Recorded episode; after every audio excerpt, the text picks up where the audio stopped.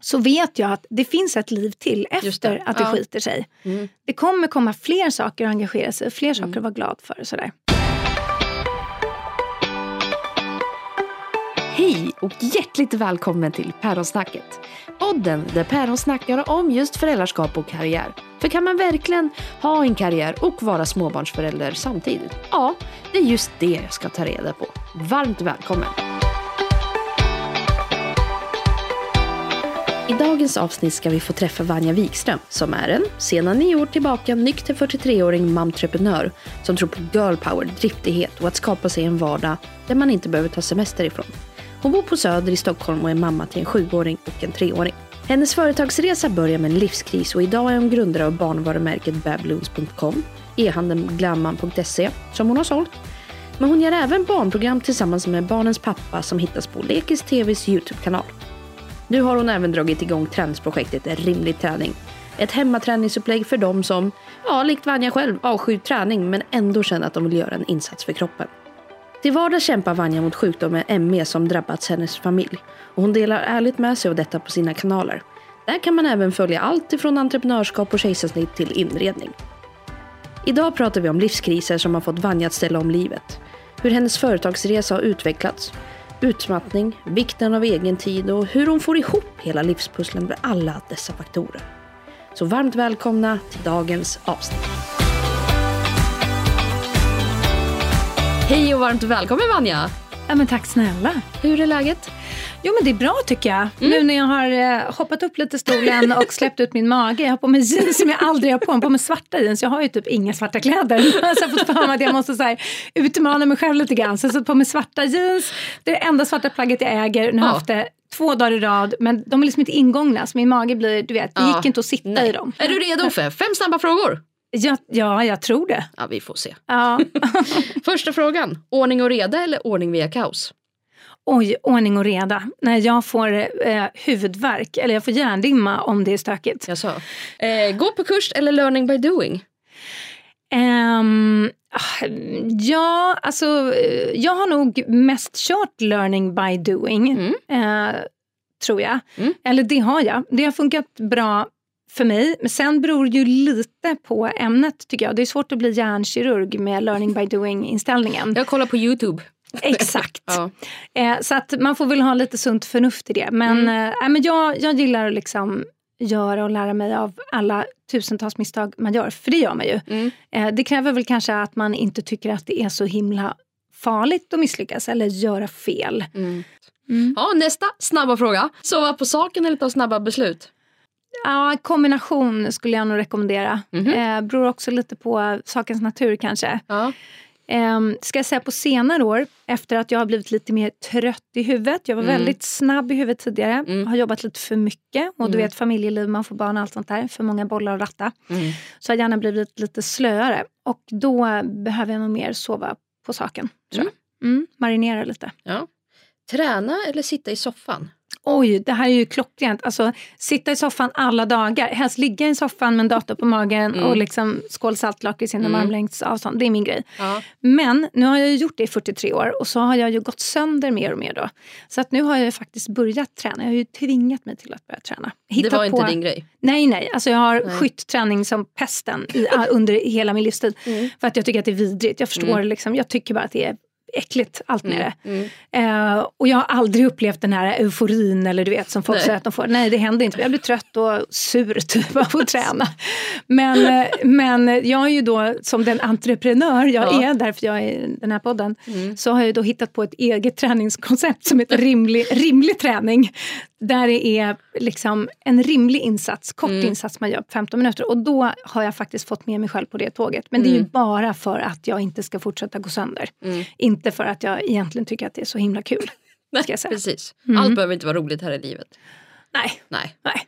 En annan rolig sak då? Sjunga eller skriva musik?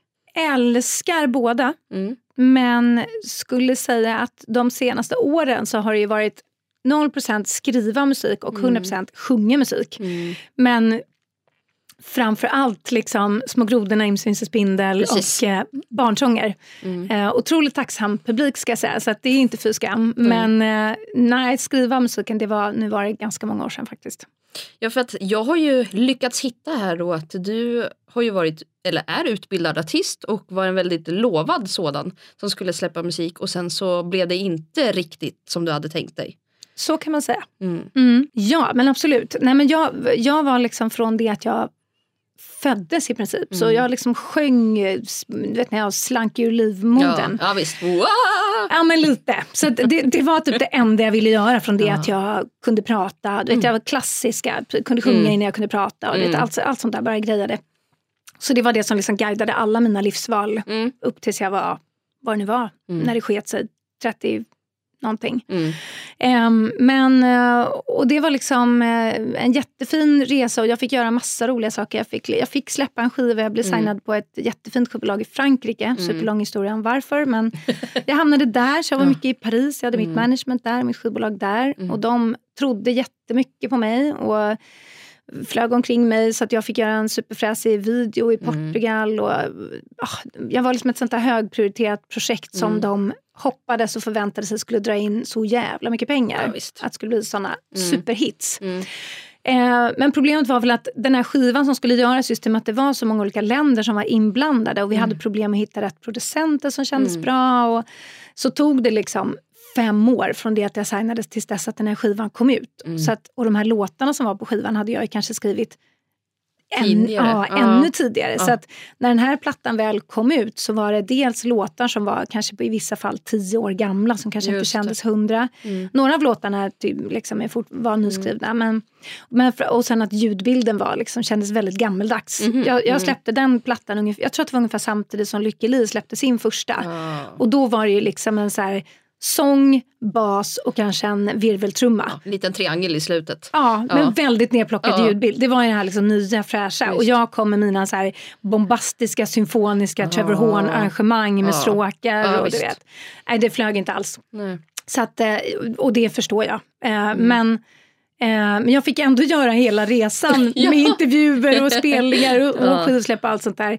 Men sen när det skulle lyfta Mm. så gjorde det inte det. Mm. Och det var ju livskris deluxe Ja, skulle det jag säga. förstår jag.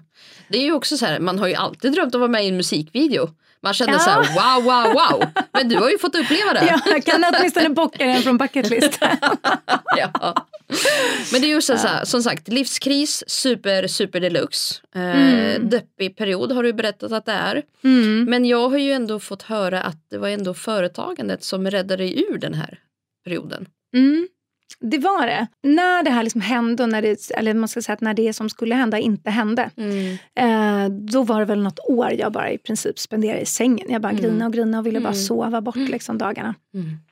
Fly bort från det hela för det känns som att jag hade liksom ingen mening. Det var, varför skulle jag ens leva när jag inte fick Just göra det. det som jag var menad att göra?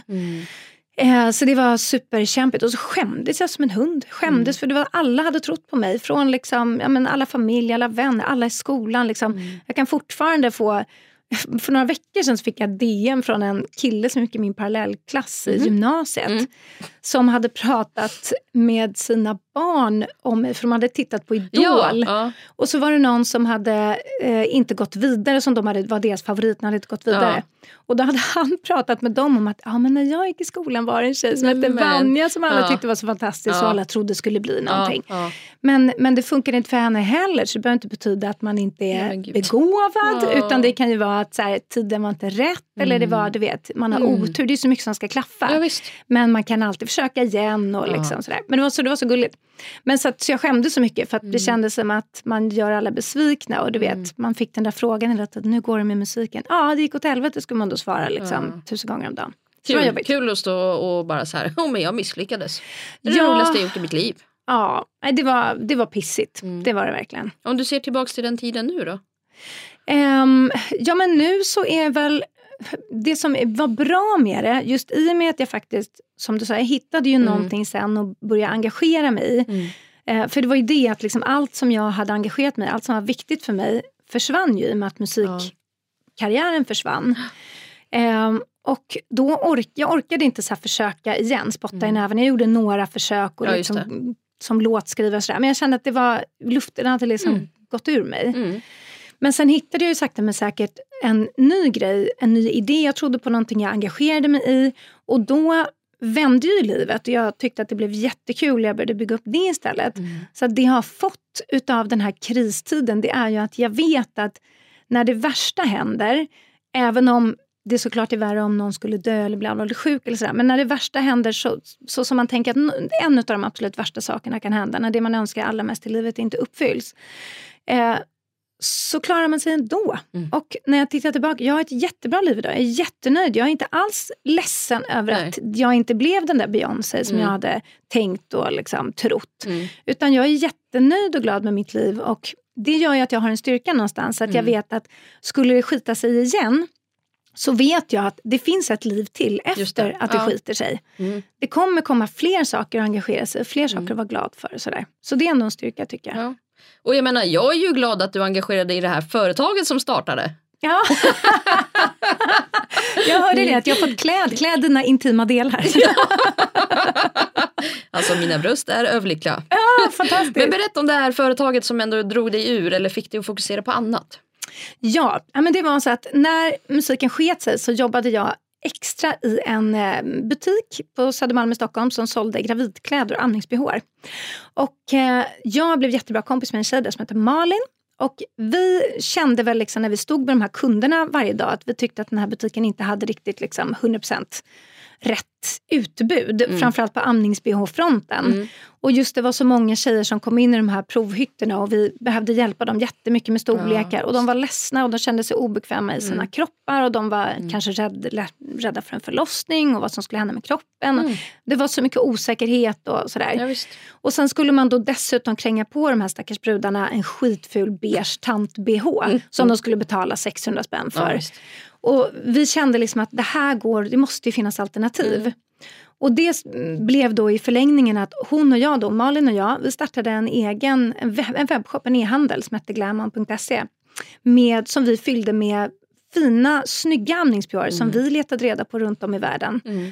Och importerade till Sverige helt enkelt. Mm. Och uh, så sjösatte vi den och den, uh, den gick ska säga, nästan som tåget från mm. det att vi började, ja, till, från det att vi liksom tryckte på publicera-knappen. Just det. Och det är vi alla nöjda och glada över att ni gjorde. Ja, ja men vad härligt. Det, mm, det känns som att den har gjort en insats för kvinnors självförtroende. Mm. Det är inget kul att sätta på sig fula saker när Nej. man redan känner sig klumpig och eh, bara oklar och man fattar ingenting vad som händer. Och... Nej, då kan man väl åtminstone få ha på sig någonting som känns som man känner sig fin i. Mm. Mm. Håller med. Ja. Men det är så här, du började ändå ditt företagande innan du skaffade barn. Nu har du två barn. Mm. Hur har företagandet varit för dig eh, innan och efter? Är det stor skillnad? Eh, ja. Ja, nej men alltså innan man har barn, mm. då kan man engagera sig i precis vad man vill, när man vill, hur man vill, hur länge man vill, på vilket sätt man vill, mm. konstant och jämt. Och jag har alltid varit en sån här person som jag brinner liksom för det jag tar mig an. Så mm. när jag brann för musiken, då var det jag levde och mm. andades det mm. i liksom 30 år. Ja. Och när vi började bygga upp Glamam, då var det det jag liksom gav mig in i med liksom all min själ. Sådär. Mm. Eh, och jobbade dygnet runt skulle jag säga. Mm. Och sen så fick jag mitt första barn när vi hade drivit Glamam i tre år. Mm. Eh, så då hade vi ändå fått upp det. det. Eh, och det liksom rullade och vi hade anställda och sådär. Så det var ju otroligt skönt.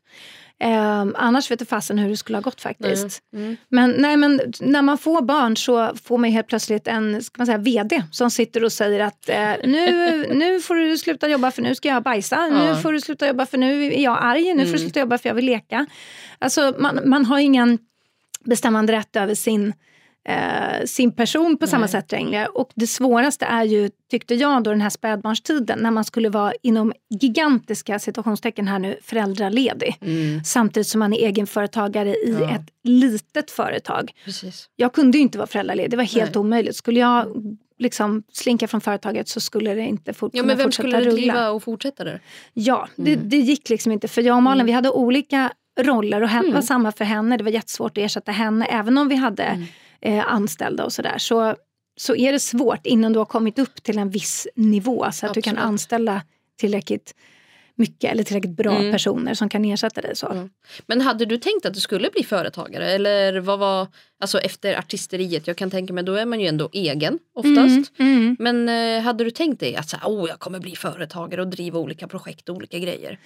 Um, alltså det, det, bara, det blev så från det att jag var väldigt ung faktiskt. Mm. Eh, för jag började då jobba med min mamma som dyker upp igen.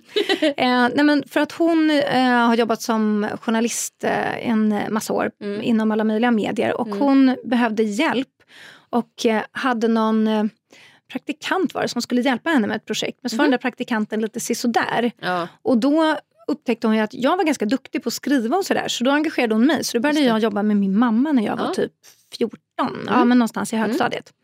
Och sen gjorde vi massa projekt ihop och sen började jag få egna kunder. Så att det enda liksom fasta man ska säga, anställningsjobb jag haft det var det här deltidsjobbet i den här gravidbutiken ja. 20 år senare. Ja. Så att jag har alltid jobbat som, jag har alltid haft liksom, antingen varit enskild firma eller aktiebolag mm. och så har jag jobbat, varit egen. Mm. Eh, så att jag kom aldrig in i att bli anställd. Nej. Eh, och det passade mig väldigt bra eftersom jag ville pyssla med musik och det är ingenting du gör mellan 9 till 5 utan oftast mm. hamnar du i en studio du vet 03.30 ja, eh, någonstans. Och sådär. Så att mm. det passade mig jättebra att kunna vara egen och liksom anpassa mitt pengainförskaffande eh, på de tider som funkade för mig. Mm. Um, så, att, um, så, så, det har nog bara liksom funnits i mig tror jag hela tiden. Men, Men jag hade har... nog tänkt att mitt stora projekt och mitt mm. bolag att driva skulle vara artisteriet såklart. Mm. För det är verkligen ett bolag att, att driva runt. Mm. Men har din eh, uppväxt liksom präglat lite hur du ser på just karriär och föräldraskap? Um, ja, på så sätt att min mamma då, att uh, hon har liksom inte varit rädd för att göra nya saker mm. mitt i livet med mm. två små barn. Alltså, hon, var, hon hade ett jättevälbetalt chefsjobb på en tidning eh, och hade två tonårskids liksom, men ställde allt på ända, sa upp sig, mm. startade aktiebolag och började mm. göra tv-program om datorer. Mm. Eh, och det här var på 90-talet när du vet, man, internet hade precis kommit och man mm. visste inte vad en mejladress var och sånt där. Men hon var teknikjournalist och hennes man så de drog igång ett liksom, dataprogram som mm. sändes på TV5 och sen blev det upplockat på TV4. Mm. Eh, och det gjorde hon mitt i liksom, allt för att hon tyckte att det kändes kul och utmanande. Och, mm. liksom, och det gör ju säkert att jag också känner att så här, men det funkade ju. Mm. Liksom. Ja, så att um, man får väl, eh, man måste ju göra det som man mår bra utav. Så. Mm. Och det är någonting som, lite som vi sa innan vi spelade in, att jag tycker det är så roligt och härligt att följa dig på Instagram. För det, ja. det känns ju som att man känner dig. När du kommer in man bara hej Vanja, wow! Och så kommer jag på, men gud jag har aldrig presenterat mig, hej. och det är liksom, för det är något som är med dig, det är att du är så ärlig, du berättar både för och nackdelar med saker, du visar verkligheten i ert liv. Och någonting som du ändå har pratat och skrivit om förut är ju det här att ja, men den jämna fördelningen i hushållet behöver mm. inte vara 50-50, mm. bara att man mår bra. Mm. Just det här att det kanske är lite din syn att här, man måste må bra för att ens kunna överleva. Och det här. Men hur har, hur har den inställningen blivit liksom hos dig? Med vem som tar vem hemma mm. och sådär? Eller, um, ja, i början så hade vi när vi fick vårt första barn, jag och Niklas, då hade vi en sån här klassisk, uh, det ska vara rättvist, mm. liksom 50-50 mm. uppdelning. Jag tar ena natten, du tar andra mm. natten. Eh, tills dess att vi märkte att det funkar inte alls för oss. Mm. Jag tror att det är ett classic mistake att man inte ser till de individerna som faktiskt ingår i en familj och vad som passar just dem. Mm. Eh, snarare än att man tänker att ja, men så här ska det vara. Mm. För man är också jätteovan, man vet inte, man är, liksom, man vet inte hur det ska funka. Så man mm. försöker göra som man tror att alla andra gör. Och det är ju ingen eh, bra lösning utan man måste ju så titta inåt och se men hur funkar vi då? Vad är det som mm. funkar för oss? Mm. Och när vi la om det så blev det mycket bättre. Mm. Min kille har haft, alltid haft sömnproblem till exempel så det blir helt vansinnigt om han ska ta varje natt medan mm. jag kan somna om på liksom två sekunder. Vad är det då för mening med att vi prompt ska dela upp nätterna? Mm. Så att um, eh, jag hatar att laga mat till mm. exempel. Mm. Eh, älskar att äta, hatar att laga. Så han har tagit den pucken. Men då handlar och lagar han maten. Mm. Eh, då släpper jag det. Så, mm. så att, um, men sen så, han är också liksom en egen företagare samtidigt mm. som som vi strax innan, eller några år innan vi, vi fick barn så, så startade han en eh, klädbutik på Södermalm som var hans liksom, mm. hjärtebarn. Så att vi var ju båda egenföretagare och har mm. alltid liksom försökt hjälpa och inom, varandra. inom retail. inom retail, precis. Exakt. Ja. exakt. Så, att, nej, men så vi har försökt hjälpa varandra. Och det mm. har, har ju såklart varit en fördel att mm. han också är egenföretagare ja, och alltid har förstått mig. Mm. Och jag har förstått honom. Men för jag menar, diskuterar ni väldigt mycket sånt innan första barnet att det ska vara 50-50 och sen så minner det ut att så här, men det här är bättre om jag gör och det här är bättre om du gör eller? Um, alltså vi hade nog en, vi hade nog en väldigt märklig bild tror jag. Mm -hmm. Lite, eller, det är ju svårt att ha en bild av hur det är att vara förälder innan man blir förälder. Ja. Det är ju jättesvårt. Mm. Men till exempel så hade vi lagt upp det, vilket jag i efterhand bara tycker var superkorkat. Att så här, jag, skulle ha, eh, jag skulle vara föräldraledig må, månad, liksom, de första sex mm. månaderna och sen mm. skulle Niklas ta nästföljande mm. sex. Eh, det är ju jättedumt när man är två egenföretagare. Eh, vi skulle ju ha delat upp det istället. Ja, Kört ja. typ eh, varannan dag. Mm. hade varit optimalt. Mm.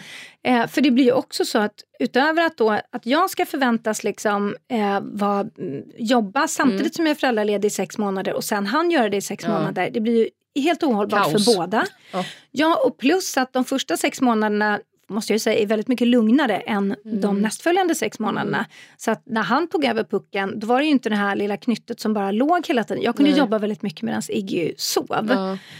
Um, men när Niklas skulle ta över då var det ju dags att liksom slinka ut ja, i parker det. och du vet det ska lekas och mm. roas och det ska stås och gås och mm. hela den biten. Mm. Så att när vi fick vårt andra barn så hade vi tänkt igenom det på ett helt annat sätt. Så då var faktiskt planen att vi skulle köra varannan dag.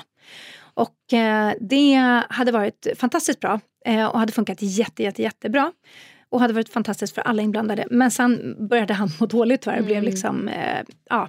Så då funkade inte det. Men mm. om man har möjlighet, om man är två egenföretagare som har möjlighet att planlägga sin egen tid. Då skulle mm. jag ju säga att dela på det där så mycket som ni bara kan. Kör liksom jag vet inte, dela upp veckorna så man får halva veckan var eller mm. till och med varannan dag. Det tror mm. jag är så, så bra. Jag har mm. en kompis nu och hon har också barn med en kille som har möjlighet att bestämma över sina tider. De kör förmiddag och eftermiddag. Jaha. Hon jobbar på förmiddagen, ja. sen, tar han, eh, sen jobbar han på eftermiddagen. Mm. Och det funkar jättebra för dem. Men jag tror att det funkar bra. Eller, eh, jag och min man, vi har ju gjort så att första, första sex månader så var han ledig fredagar och jag körde tre dagar. Sen hade vi väldigt mycket hjälp av min mamma. Ah, eh, men då var det också så att jag kan ju inte heller vara borta från mitt företag. Alltså det, det, finns ju inte den chansen att vara borta.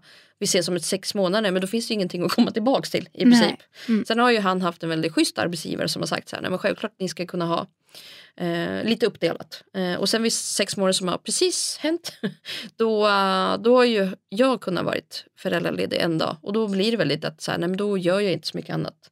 Men mm. jag blir ju väldigt mycket prioriterad att jag ska ju hem, jag ska ju vara med på kvällarna, jag vill ju vara med på väldigt mycket mm. annat runt omkring. Men det är ju också så att jag försöker jobba hemifrån en dag extra just bara för att få vara med lite fram och tillbaka och, och sådär. Men jag rekommenderar också att ha uppdelat. Eh, mm. Just också för barnen ska känna att nej men, jag har bara en mamma eller bara en pappa liksom, i vissa perioder. Ja, och också att man får fokusera på det man gör. Mm. För att när man har, så här, nu vet jag att Exakt. det är min barndag, men då kan jag ge mig in i den. Då behöver jag inte titta på mejlen, jag behöver inte ha huvudet någon annanstans. Då är jag här och nu, sitter i sandlådan. Mm. Och sen är det min jobbdag, ja, men då jobbar jag. Liksom. Mm. Då dunkar jag undan allting. Mm. För att det som var så jobbigt när jag var liksom, då med mitt första barn, det var att jag, varenda gång han sov eller typ tittade bort så ja. hade jag ju tusen grejer jag behövde få ja, gjort. Så jag satt ju och jobbade konstant liksom. Och det tyvärr så, så förstör ju det jättemycket. Jag ska inte rekommendera det till någon. Nej. Utan uh, man behöver kunna fokusera så man också kan vara med sitt barn när man är med sitt barn. Mm. Nej men det är verkligen. Men uh, har det varit någon skillnad på hur, hur du är som företagen, företagare under första och andra barnet? Um, ja, eftersom jag gjorde det misstaget med mitt första barn så vill jag inte göra det med mitt andra barn. Mm. Så att eh, nu är jag mycket bättre på just att dela upp hjärnan också och liksom stänga mm. av. Mm. Så att när jag är med mina ungar så är jag med mina ungar. Mm. Nu jobbar jag liksom, jag jobbar tills dess att jag hämtar och sen, mm. sen ska jag inte jobba mer utan sen, är det, sen får det vara klart. Just det. Också för min egen skull, att jag känner att det sa alltid Malin till mig, Malin mm. på, som jag startade Glamma mm. med, att det finns en dag imorgon också. Men det glömmer man bort. Ja, Precis, man måste mm. inte... För det är också svårt när man är egenföretagare. Då har man ofta en, en äh, att göra-lista som är liksom milslång. Mm. Du kan inte bocka av den. Den mm. kommer aldrig... Alltså kommer du till punkt 99 av 100 och så går du och lägger dig och så, ja. du vet, då har det, det har lagts på 10 punkter till. Ja. Så du kan inte ha den inställningen att här, jag ska bocka av min to-do. Utan mm. så här, jag ska göra vad som är rimligt idag. Ja. Och så gör jag vad som är rimligt imorgon. Mm. För att annars så tar man slut. Mm, nej men verkligen. Men hur har livspusslet förändrats för dig när du har skaffat barn och innan? Eh, innan var det ju inget pussel. Nej. Utan då gjorde man som man ville när man ville. Mm. Och nu eh, så kan man inte det. Nej. Så att, eh, nej men det är nog att det är mer strukturerat. Liksom, att mm. så här, jag jobbar när jag jobbar, sen har jag barnen och sen så försöker jag få hjälp. Min kille kan inte hjälpa till så mycket för att han, mår, liksom, mm. ja, han är kroniskt sjuk. Så mm. honom får man lite räkna bort. Mm. Eh, men jag försöker vara duktig på att så här, jag skäms inte för att ta in barnvakt. Jag tycker det är mm. fantastiskt att mm. ungarna också får eh, relation med så här, far och morföräldrar. Mm. mm farbror hämtade igår eh, och var och spelade fotboll och lekte med ungarna. Liksom, och så där. så att, att man försöker ha lite mer det här it takes a village-tänket. Ja, för att är du ska du driva företag liksom, samtidigt som du har barn och du har, du, det ska mm. lagas mat och det ska städas och det ska mm. fixas playdates och mm. det är fotbollsträningar mm. och du vet. Ta hjälp. Mm. Ta hjälp. Mm. Vad har fel. du tagit med för hjälp då, än, eh, mer än barnvakt? Um, ja, men det är ju det som underlättar absolut mest. Mm. Att jag vågar be om så här, kan någon annan hjälpa mm. mig hämta barnen? Uh, och sen har jag upptäckt på senare tid att det är väldigt viktigt att jag också får sätta mina behov främst ja. med jämna mellanrum. Och att jag fyller på min egen energi mm. för att kunna konstant pytsa ut mm. till de här andra som behöver mig. Så att, eh, och det har jag inte riktigt gjort tidigare för jag har varit inne i något så mönster av att man, så här, man trycker sig igenom sin vardag. Man bara mörsar på. Ja, och man lyfter inte blicken Nej. utan man bara säger ja men eh, nästa vecka kommer det vara lite lättare. Eller mm. nästa jul kommer det vara liksom, då kommer mm. vi kunna göra det här och det här. Mm. Så att jag ska trycka mig dit bara. Och så mm, kraschar man ut till slut. Mm. Så att nu har jag ju insett att nej, men så här är livet. Mm. Vakna upp och liksom, så här är livet. Mm hantera det som det är, mm. gör det bästa av det, ha kul, ha det bra. Eh, och fyll på dig själv med energi. Mm. Så att det gör jag. Så igår var jag på massage. Ja, härligt. Ja, men bara en sån grej. Mm. Eh, och så hämtade då far Niklas brorsa ungarna. Mm. mm. Så att man gör, en, man, man gör såna saker lite mer regelbundet för att känna att eh, jag också får någonting och att kanske mina behov till och med får gå före ungarnas ja, eh, ibland. Men hinner du landa i allt då? För jag menar både mamma och företagare, sen är du ju ändå offentlig person på det här viset. Hinner du landa i alla de, dina delar? Ja, nu är jag bättre på det eftersom mm. jag inte är i det här konstanta mörsar-modet. Mm. Mm. Nu försöker jag, för det är precis det här att liksom, när man är i mörsar-modet då blir ju hela livet blir en enda evighetslång to-do-list som mm. man bockar av. Eh, och då går man ju tyvärr miste om att uppleva sakerna på vägen ja, för visst. att man är ju inte där. Nej. Det tänker jag är det här med att man landar i saker. Mm. Nu är jag mycket, mycket bättre på det. Jag, mm. Till exempel så har jag inte gästat poddar på jättelänge för att jag har känt att jag liksom orkar inte, jag hinner inte. Mm. Eh, Vi är tacksamma för att du är här. Ja, ja men och det säger någonting om mitt mående. Att ja. helt plötsligt så, så börjar jag med det igen för att mm. jag tycker att det är jätteroligt. Mm. Och, men jag vill också kunna känna att det är roligt. Ja, jag vill också visst. kunna vara, inte vara stressad. Jag vill också mm. känna att så här, jag har tid att komma hit, sitta mm. här och ha, det, liksom, ha ett härligt samtal. Och, mm. eh, för då får jag verkligen ut någonting av det. Att det inte bara blir här, så måste jag dit, så måste jag dit, så måste jag dit. Mm. Så att, eh, jag har verkligen gjort en förändring där. Jag har insett att vad, hur mycket jag kan få in i min vecka. Mm. Eh, och att jag också måste, förutom att jag liksom ska planera upp den rimligt så måste jag alltid, när jag planerat upp den rimligt så måste jag alltid ta bort två saker. Ja. Därför att det kommer alltid en grej från vänster som stjäl ens tid. Och det mm. kan vara att en unge blir sjuk. Mm. Det kan vara att eh, det kommer ett jobb som bara inte går att säga nej till som måste göras nu. Mm. Det kan vara att eh, det, det, kan vara vad som helst men det kommer mm. alltid in någonting som fuckar upp den här perfekta planeringen. Mm. Så att en perfekt planering är en perfekt planering fast två grejer mindre. Mm. För mig. D den är bra. Den har den jag aldrig hört talas om förut. men är det så att du ändå har i kalendern liksom så här, nu är det egen tid och nu är det jag vet inte det här hämtning, lämning, fixning. Um. Ja, mm. um, jag har liksom... Mm, jag, jag, lever i min kalender. Mm. Jag vill ha en skriftlig kalender. Jag vill mm. inte ha någon digital. Nej. Jag vill kunna skriva och rita. Mm. För då blir det så himla... Det har också att göra med att min hjärna är mycket tröttare nu. Mm. Eh, tidigare mm, så kunde jag liksom ha 15 puckar hela tiden. Jag hade ja. jättelätt att prioritera vad som skulle göras först och sådär. Mm. Och nu kan jag inte det. Så nu måste jag liksom se tydligt eh, vad det är jag ska göra och att mm. jag ser att okay, men nu är det en poddinspelning idag på mm. tisdagen. Mm. Eh, men då vet jag att så här, då kan jag göra max en till grej som är lite större, som tar lite mer tid den veckan. Mm. Sen, är det, sen är det nog. För sen mm. är det allt annat som ska rulla. Det är Instagram och det är blogg och det är liksom eh, de här olika företagen som jag liksom driver. Så att man eh, är lite ärlig mot sig själv och mm.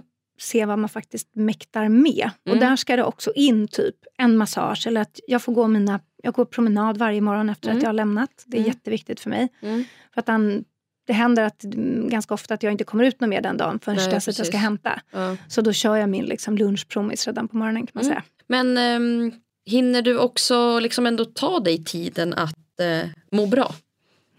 Eh, jag gör det nu. Mm. Så att nu är ett sätt att må bra är att ta den där promenaden mm. varje morgon. Mm. Då lyssnar jag på någon härlig podd och så mm. bara får jag lite luft och syre och ljus. Liksom. Just det.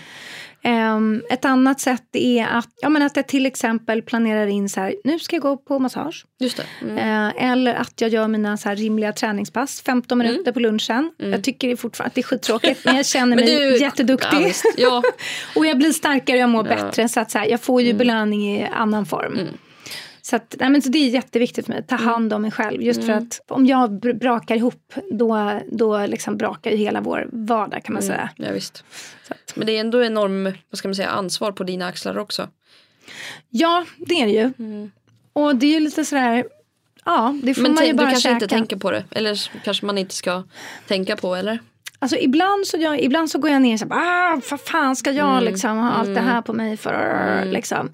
Och och samtidigt då så, ingenting blir bättre av att jag tänker så. Mm. Utan så här, det här är så som det ser ut för oss. Mm. Eh, då, då är let's så. do the best of it. Alltså mm. verkligen, låt oss nu göra det bästa av det här. Vi har mm. så mycket härliga eh, inslag i våra liv utifrån mm. de liksom, förutsättningar vi har. Så att mm. det är ett jättehärligt liv vi lever.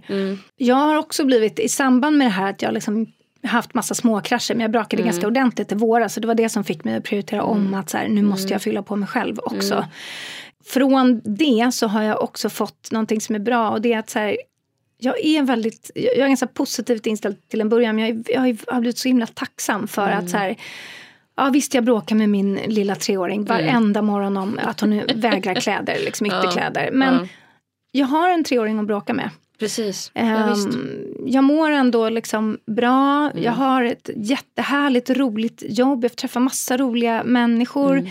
Jag har några fina, bra, nära kompisar som jag ändå mm. lyckas träffa då och då. Jag har en mm. jättebra partner i livet. Mm. Alltså, det finns så mycket bra. Mm. Och visst, jag hade säkert kunnat ha en annan verklighet där jag hade en partner som kunde axla mer ansvar. Men mm. jag lovar att några av de här supergoodisarna jag har i min vardag mm. idag, de kommer inte vara där då. Mm. Utan då alltså, jag tror summan av kardemumman är ungefär mm. same same liksom. Men det, där, att, det är så skönt, du är bara du är så positiv. Jag gillar det.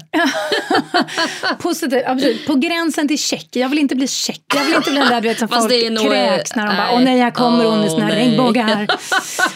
Men apropå det då, du är som offentlig person. Har du någonsin fått höra de här mammapoliserna eller någonting som ändå kommenterat på hur du är, att du jobbar så mycket och ändå har barn? Eller kommer in mer kärlek? Nu skulle jag säga att det nog är 100% uteslutande kärlek. Mm -hmm. mm. Så förut var det?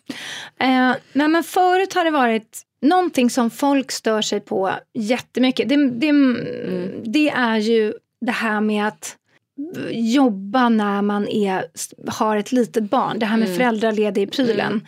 Mm. Eh, vi delade ju som sagt upp det nu mm. senast jag och Niklas, vi hade varannan dag. Så att mm. jag, du vet, då tar man inte ut varje dag i föräldrapenning och sådär. Så att jag gör ingenting fel. Nej. Men människor ser ju inte hela ens verklighet och, utan för dem är det bara så här, hon har en liten bebis och hon har föräldrapenning mm. och här sitter hon och, och har ett samarbete ja, med varumärke XX ja. på sin. Mm. Eh, och sen så tror jag också att det retar gallfeber på vissa, att man lite har det här jobbet. För det kan ja. se så glassigt ut ja. fr från i, i, vissa vinklar. Att mm. så här, mm. ja men vad gör de egentligen på dagarna de här influencerna? Ja men de bara sitter och tar kort på sig de själva. De tar lite fräsiga selfies och tjänar massor med pengar mm. och de får massa bud hitan och ditan. De är checka.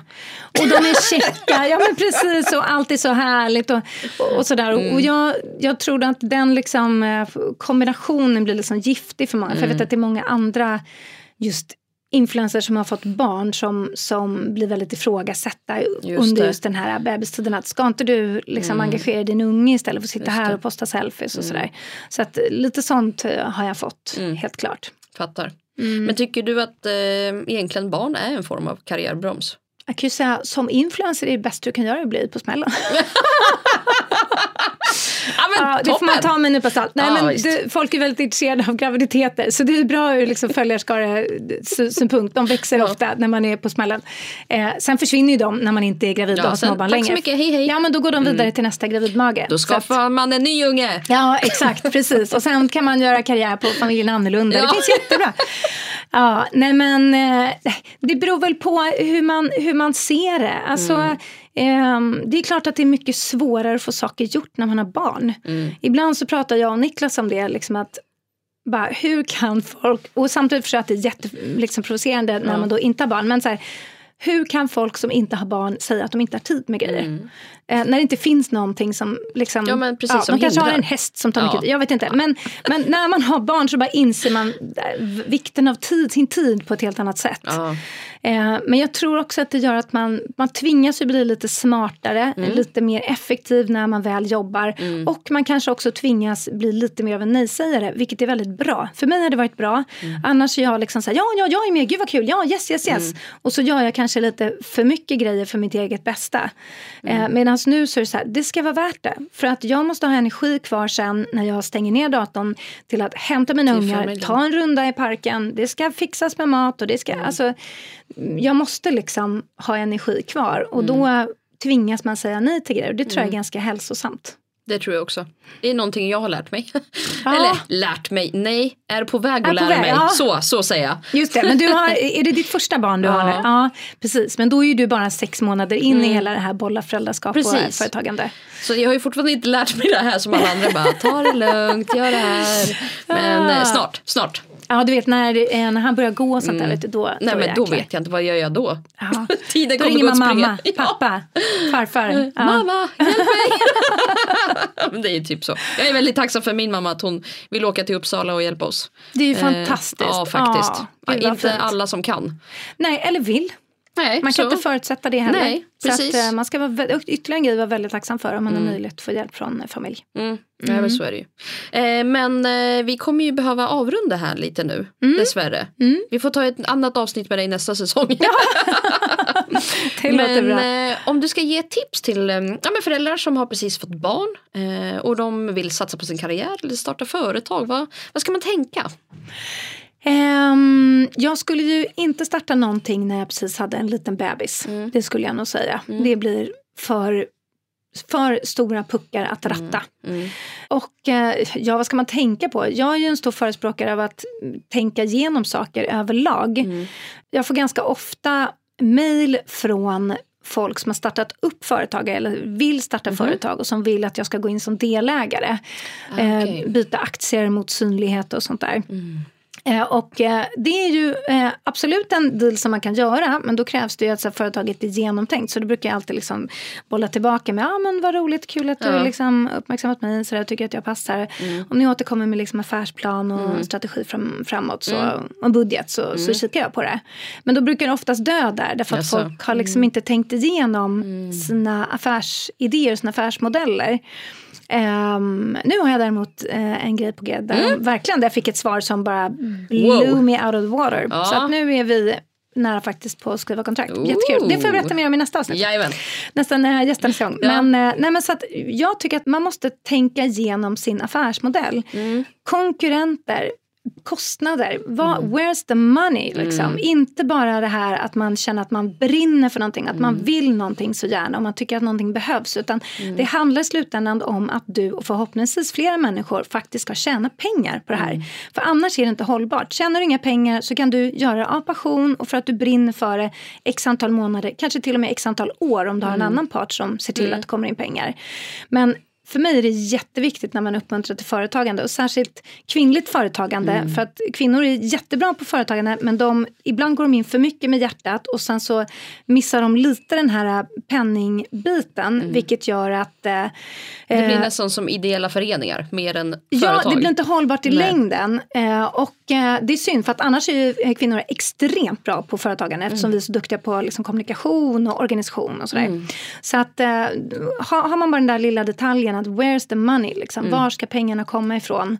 Eh, så, så kommer det gå bra. För det är ändå, om man ska vara 100% krass, det är kärnan i allt företagande. Ja, visst, jag håller med. Om det inte är ideellt då. Nej, precis. Mm. Super. Mm. Men eh, det här var ju inte sista frågan. Nej. Nej, den sista frågan kommer ju från burken! Ah! okay. Och för er som inte har varit med förut så är det ju så att alla gäster har skrivit en, eller ja, minst en fråga som har lagts i en burk. Och mm. från den burken kommer Vanja dra ut en fråga och läsa upp. Oj, vad spännande. Mm, så varsågod. Okej. Okay. ska vi se här.